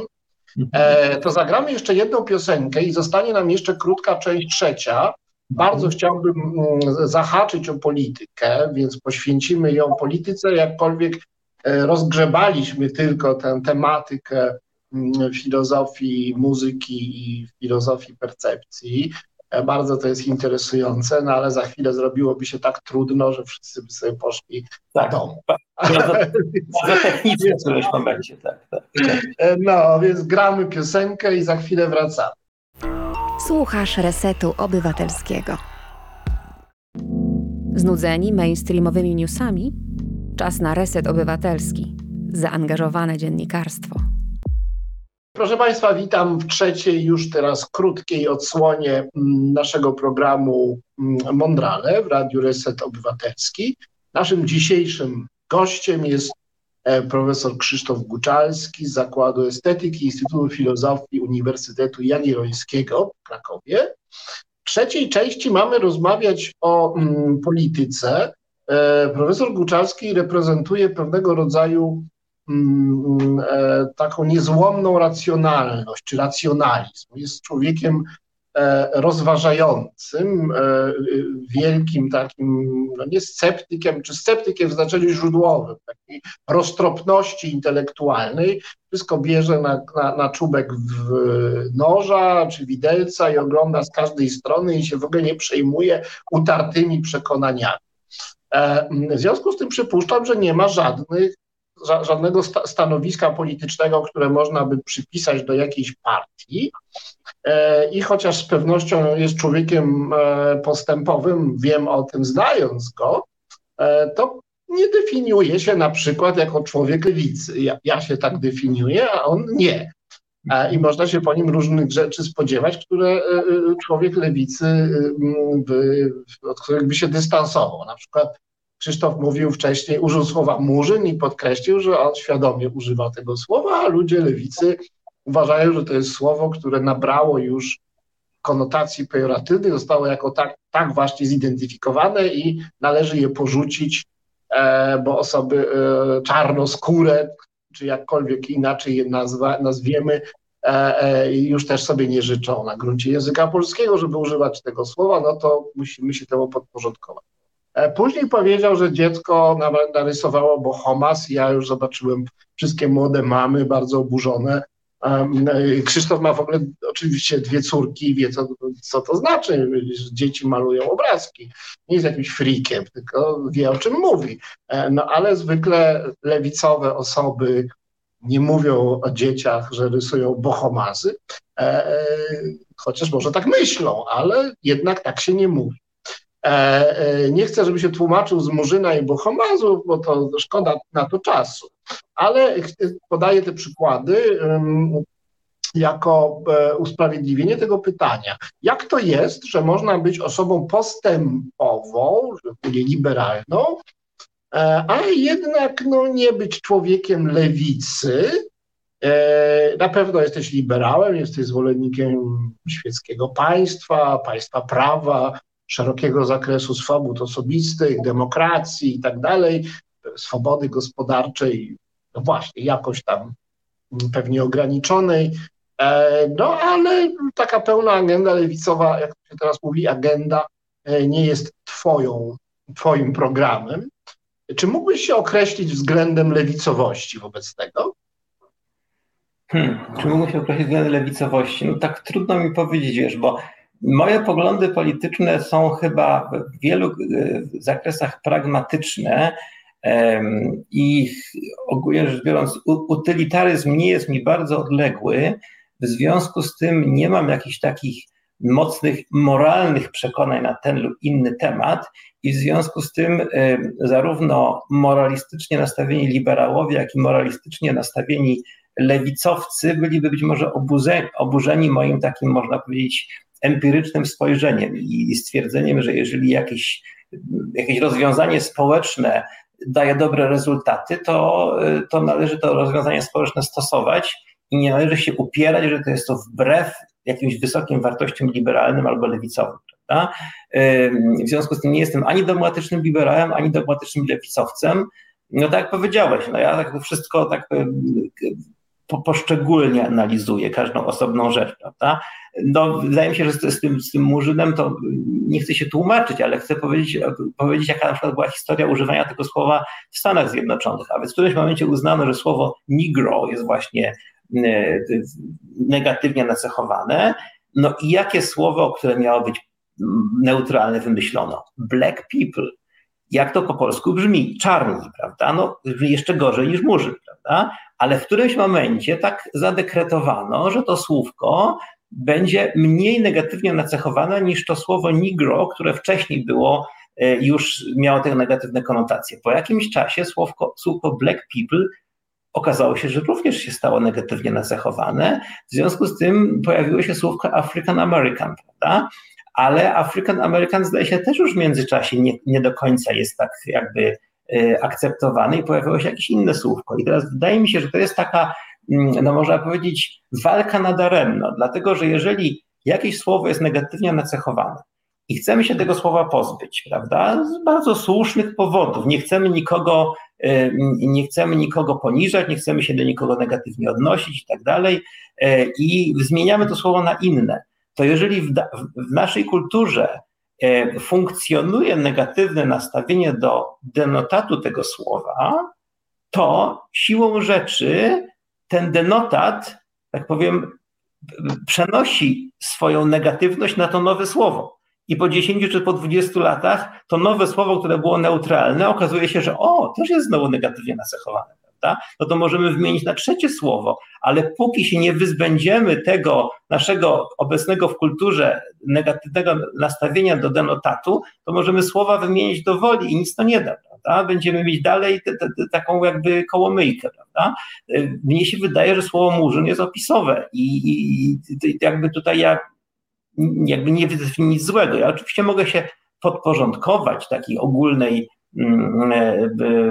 ogólnemu przeświadczeniu i zwłaszcza jeżeli e, osoby, których to dotyczy, będą takie przeświadczenie żywiły, to oczywiście chętnie się podporządkuję, będę używał słów, które on, oni uważają, e, oni i one uważają za odpowiednie używał. Natomiast jakby no, widzę tutaj też taką śmieszność i, I, zwłaszcza jeżeli ktoś by się bardzo oburzał z tego powodu, widząc tę relatywność tej, tej, tego całego zjawiska. A jeśli chodzi o rysunki dziecięce, ja jestem wielkim wielbicielem rysunków moich córek. Mam, mam dwa całe segregatory, gdzie sobie gromadzę rysunki od tam drugiego roku życia do teraz. Najlepsze było to, że moje córki, tak mając 3-4 lata, rysowały takie różne bohomazy, które ja im uświadomiłem, że to są abstrakcyjne obrazy. I mówiły, mówiłem, że to są takie abstrakcje, prawda? I potem one przychodziły do mnie i pytałem się, co to jest, a one mówiły, a taka abstrakcja. także, także już tak powiem, dowiedziały się, co to jest abstrakcja, potem oczywiście miały jakiś tam okres figuratywny i tak dalej, i tak dalej. Nie, nie, ja uważam, że jakby w tych rysunkach dziecięcych jest wiele nadzwyczaj ciekawego, prawda? Te, to słowo bohomas było, było raczej znowu użyte opisowo, a nie, a nie wartościująco i w dodatku jeszcze odnosiło się tylko i wyłącznie do tej warstwy figuratywnej, która jest być może mniej, mniej istotna, prawda? Ta, ta ekspresywność tych obrazków e, i pewna struktura świata, która się z tego wyłania, struktura świata dziecka, to jest wszystko bardzo ciekawe i bardzo takie, można być, autentyczne. Dobrze, ale teraz e, tak się zagadałem, czy jestem lewicowy, czy jestem liberałem, czy kim właściwie jestem i tak dalej. No tak po troszkę już od, odpowiedziałem. Raczej jestem skłonny, żeby poszczególne kwestie z agendy lewicowej albo liberalnej e, analizować i oceniać, czy one są jakoś, e, e, no nie wiem, funkcjonalne, czy no jakby na długą skalę albo w szerokim zakresie i na dłuższą metę no prowadzą do jakiejś, do, do pewnych rzeczy, które wa pozytywnie wartościujemy społecznie, prawda? do jakiejś stabilności społecznej, do no do właśnie do takich jakby elementów jakiegoś tam, nie wiem, w miarę y, dobrego mm, poczucia prowadzenia dobrego życia przez, przez duże ilości osób i tak dalej. Także to no nie jest chyba nic specjalnie nic oryginalnego też, no ale, ale tak dlatego chyba nie mogę się tak tutaj jakby do żadnej frakcji tak jednoznacznie przypisać.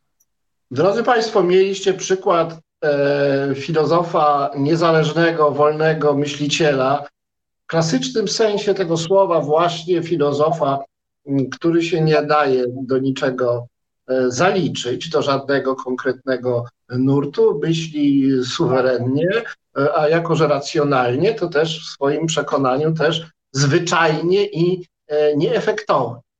Ale e, właśnie na tym polega porządny umysł filozoficzny, że on jest taki rozważający i umiarkowany i roztropny i dochodzi do e, e, uzasadnionych, aczkolwiek zwykle nie jakichś spektakularnych wniosków, bo tak to zwykle jest, że racjonalność nie licuje z fajerwerkami.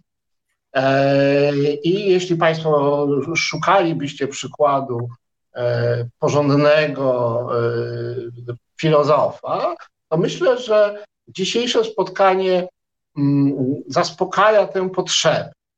E, moim i Państwa gościem, bo dwie godziny już właśnie minęły, jest, był profesor Krzysztof Guczalski z Instytutu Filozofii Uniwersytetu Jagiellońskiego, E, bardzo dziękuję za spotkanie. Mam nadzieję, że jeszcze kiedyś się e, tutaj w tym programie zobaczymy.